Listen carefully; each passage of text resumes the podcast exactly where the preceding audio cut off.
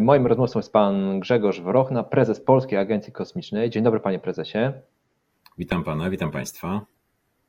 Panie prezesie, co Polska ma wspólnego z kosmosem? Bo tak yy, dla przeciętnego Polaka Polska i kosmos to co najwyżej Mirosław Hermaszewski i Stanisław Lem. No, Polska przede wszystkim jest w kosmosie i to po, w podwójnym znaczeniu tego słowa, bo znajduje się na planecie Ziemi, a ta niewątpliwie znajduje się nigdzie indziej, tylko w kosmosie. I w związku z tym no, obserwowanie tego kosmosu od dawna fascynowało ludzi i fascynuje do dzisiaj. Stąd y, liczne misje badawcze poświęcone eksploracji, czy to y, Księżyca, czy to planet Układu Słonecznego, czy to odległego wszechświata. Ale Polska jest w kosmosie także w drugim znaczeniu tego słowa, że nad naszymi głowami krąży w tej chwili już pięć polskich satelitów, a było kilkanaście, a aparatura wyprodukowana w Polsce y, podróżowała w kosmosie już na ponad 80 misjach.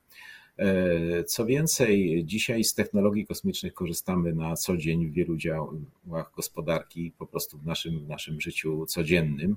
E, nie tylko dzięki tym satelitom produkcji polskiej, ale dzięki satelitom unijnym, systemu Kopernikus do obserwowania Ziemi, czy systemu Galileo do nawigacji. To są także nasze satelity, bo przecież e, to jest finansowane z budżetu Unii Europejskiej, do którego my kontrybuujemy. A więc w kosmosie jesteśmy i z kosmosu coraz więcej korzystamy. No dobrze, teraz pomówmy trochę o Polskiej Agencji Kosmicznej. Na czym skupia się Wasza działalność? Czy to jest, nie jest trochę taka sztuka dla sztuki? E, sztuka dla sztuki też ma sens e, i najpiękniejsze dzieła sztuki powstawały właśnie dla sztuki. E, I tutaj w przypadku działalności związanej z kosmosem też istotną częścią jest właśnie badanie samego kosmosu. W tej, w tej kwestii próbujemy pomóc polskim instytutom, polskim przedsiębiorcom wchodzić w misje międzynarodowe, czy to w, w, Europejskiej Agencji Kosmicznej, czy to we współpracy z innymi agencjami, na przykład z NASA. Ale y, dzisiaj chyba jeszcze ważniejszy aspekt to jest to praktyczne wykorzystanie kosmosu, który no, stał się areną działalności gospodarczej i wykorzystujemy go e, zarówno do nawigacji, to dzisiaj każdy z nas używa nawigacji satelitarnej do tego, żeby chociażby z jednego punktu miasta do drugiego się przemieścić, czy to telekomunikacji, czy dzisiaj duża część internetu idzie przez satelity. Prawie każdy program telewizyjny gdzieś na swojej drodze idzie przez satelitę.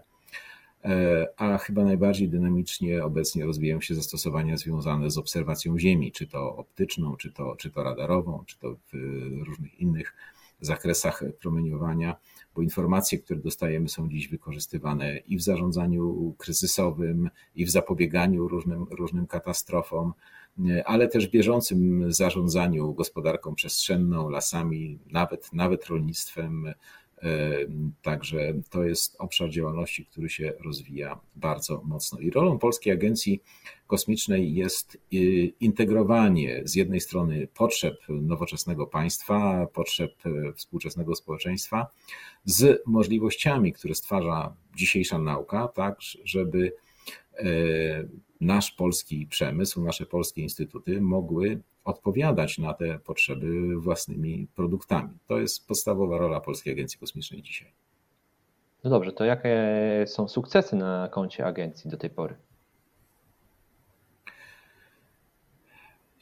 Musimy przypomnieć, że agencja jest stosunkowo młoda. Powstała dopiero w roku 2014. W Europejskiej Agencji Kosmicznej e, pracujemy od roku 2012 i ten nasz sektor kosmiczny dopiero się e, rozwija. E, sukcesy, które już dzisiaj nasz sektor ma, to jest właśnie aparatura, która była na wielu misjach kosmicznych.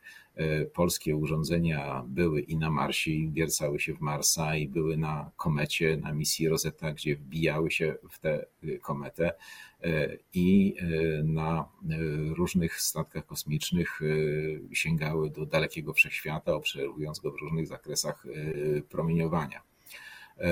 Mówię o całym sektorze, bo tutaj Polska Agencja Kosmiczna jak gdyby nie jest od tego, żeby samodzielnie sukcesy jakieś odnosić, tylko właśnie ma umożliwiać, czy to naszym instytutom, czy uczelniom, czy, czy, czy, czy sektorowi prywatnemu, osiąganie takich sukcesów. I myślę, że takimi przełomowymi momentami są porozumienia, umowy, które otwierają naszym przedsiębiorcom, naszym instytucjom nowe pola działania. Ostatnio takim ważnym sukcesem było podpisanie miesiąc temu deklaracji Artemis Accords. Miałem przyjemność podpisać tę deklarację w Dubaju przy okazji Międzynarodowego Kongresu Astronautycznego w obecności wiceszefowej NASA, pani Pam Melroy. Ta deklaracja to jest takie otwarcie drzwi dla polskich firm, dla, dla polskich instytutów do wejścia nie tylko w program Artemis. Przypomnę, program jest to program powrotu na Księżyc, ale już nie po to, żeby tam zatknąć flagę i odcisk buta kolejny umieścić, tylko to jest program już stałego pobytu na Księżycu, na orbicie okołoksiężycowej w celu już precyzyjnych badań, eksplorowania Księżyca, a także uczynienia Księżyca e, miejscem e, startu do dalszych misji, chociażby na Marsa. E, w tych misjach chcemy, chcemy jako Polska uczestniczyć, ale, ale nie tylko, bo podpisanie tego, tej deklaracji Artemis Accords było takim mm, elementem otwierającym nasze możliwości współpracy z, nas, z NASA znacznie szerzej. Pracujemy teraz nad e, umową e, ramową między NASA a, a Polską i, i nad umowami dotyczącymi e, konkretnych misji. Na przykład rozmawiamy o udziale polskiej nauki, polskich przedsiębiorców w programie misji GAMO, w której zadaniem będzie śledzenie bardzo odległych błysków gamma, takich gigantycznych eksplozji we wszechświecie, które e, są efektem zapadania się bardzo dużych gwiazd do czarnych dziur albo też łączenia dwóch gwiazd neutronowych w czarne dziury, fascynujące zjawiska i do takiej właśnie misji e, przygotowujemy polski wkład. To tylko przykład, takich przykładów należy się spodziewać e, więcej. A e, tutaj na europejskim podwórku z, właśnie rozpoczęliśmy przygotowania do kolejnego spotkania ministrów państw członkowskich. Takie spotkania odbywają się co trzy lata i na tych spotkaniach zapadają decyzje, w które programy e, ESA e, Polska ma wejść, gdzie naszą składkę e, mamy ulokować, tak żeby nasz kraj miał z tego jak największe korzyści. I takim konkretnym sukcesem naszych rozmów z ESA w ostatnich dniach jest utworzenie dedykowanego programu dla polskich podmiotów i nadanie takiej klauzuli uprzywilejowanego kraju, E, po to, żeby zapewnić zwrot tej składki do naszego, do naszego e, kraju. E, ten status uprzywilejowany polega na tym, że jeżeli w przetargu wystartują dwie firmy, które dadzą podobną ofertę, równie wartościową, a jedna z nich będzie z Polski, to ta z Polski będzie wybrana. Myślę, że to też jest duży sukces, którym się możemy pochwalić. Mówi Pan tutaj o właśnie wymiarze międzynarodowej współpracy. Jak Pan widzi teraz pozycję polskiego przemysłu kosmicznego na tle świata? My jesteśmy za ściankiem, czy już równorzędnym partnerem? E, myślę, że mamy szansę wykorzystania e, niezwykłej sytuacji, która w tej chwili w sektorze kosmicznym na świecie się dzieje.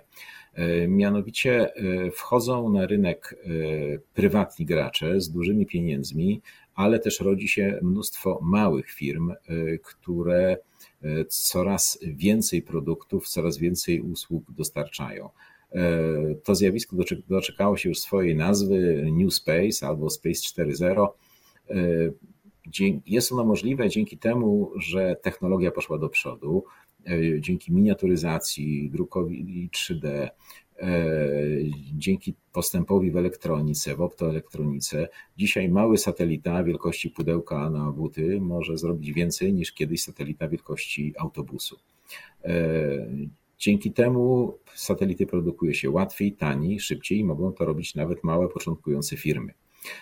Co więcej, zamiast jednego dużego satelity można wystrzelić całą konstelację małych satelitów, a to z kolei powoduje, że nie musimy się tak bardzo martwić o każdą najdrobniejszą część, która może spowodować, że wielki, wielotonowy, wielomilionowy, a czasem miliardowy e, satelita przestanie działać, bo jeżeli w takiej konstelacji, która ma kilkadziesiąt, a często dzisiaj nawet kilkaset e, satelitów, jeden przestanie działać, nie jest to wielki problem. Więc znowu możemy stosować komponenty spółki, co, co po raz kolejny e, zmniejsza koszty, przyspiesza możliwość działania. I to jest przełom. To jest przełom, którego jesteśmy świadkiem i to jest przełom, na którym możemy korzystać, na którym już korzystają polskie firmy, bo mamy już kilkadziesiąt firm, które działają w ten sposób. Pierwsza z nich niedawno weszła na giełdę, e, a to dla mnie oznacza początek prawdziwego rynku e, takich produktów e, i usług. I e, korzystając z tego, z tego przełomu, myślę, że Polska może dokonać takiego skoku, jakiego dokonała na przykład w bankowości, przeskakując w ogóle etap, etap czeków czy, czy, czy, czy bankowości okienkowej, przechodząc od razu na karty kredytowe i na, na bankowość internetową. Tutaj też obserwujemy w zasadzie zmierzch dominacji tych wielkich agencji, one dalej będą dominowały mm, w tym sektorze związanym z dalekimi misjami na Księżyc, e, z założeniem bazy, e, czy, czy, czy, czy na Marsa, czy obserwacja dalekiego wszechświata. To dalej będzie domena tych wielkich agencji, ale ten kosmos użytkowy, to konkretne wykorzystanie go do naszych celów e, gospodarczych, do naszego życia codziennego, to staje się dzisiaj już, już przedmiotem małych firm, i, i, I, myślę, że tutaj e, Polsa, wspierając e, rozwój tego rynku, e, może się przyczynić do tego, że to stanie się bardzo istotną gałęzią, rozwojową gałęzią polskiej gospodarki. I tutaj stawiamy kropkę. Oczywiście będziemy z uwagą śledzić działania Polskiej Agencji Kosmicznej. Pan Grzegorz Wrochna, prezes Polskiej Agencji Kosmicznej, był moim Państwa gościem. Panie prezesie, bardzo dziękuję za poświęcony czas. Ja również dziękuję bardzo. Do widzenia Państwu.